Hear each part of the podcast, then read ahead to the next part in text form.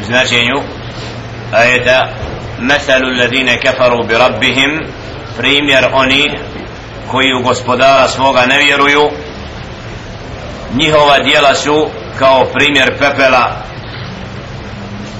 koji se nađe na jakom vjetru pa nisu u mogućnosti da ništa od toga saberu dalika huwa dalalul ba'id to je zaista velika zabluda Jelle še'nuhu u Kur'ani Kerimu navodi primjera kako bi čovjek zastao i razmislio onome što čini tako ćemo naći mnogo primjera fi kitabillah u Allahovoj knjizi u kojima Jelle še'nuhu približava značenje kroz te primjera kako bi čovjek se opomenuo kako bi ibrati pouku uzeo u majetu 18. min surati Ibrahim Allah subhanahu wa ta'ala ističe slučaj nevjernika al-kafara koji radeći na ovome svijetu zbog kufra i nevjere u Allaha subhanahu wa ta'ala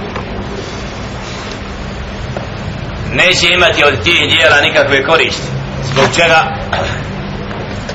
Zato što nisu vjerovali u Allaha subhanahu wa ta'ala. Jer dijelo da bi bilo primljeno kod stvoritelja subhanahu wa ta'ala min šartihi al imanu billah zato nevjernici ono što čine na ovome svijetu i što misle možda nekada će im biti od koristi naprotiv na sudnjem danu vidjet će svoja djela bez vrijednim neće im ni najmanje biti od koristi da im spasi od džehennemske vatre zbog čega? zbog kufra i nevjere u Allaha subhanahu wa ta'ala.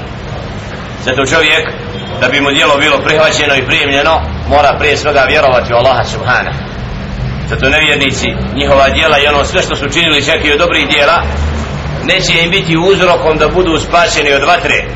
Jer kako Đele Šir navodi ovdje primjer pepela koji kad najđe jaka oluja ne ostaju tragovi od toga. Tako i nevjernici neće imati koristi od tih dijela koja, koja su činili. Upravo zbog kufra i nevjere Allaha subhanahu.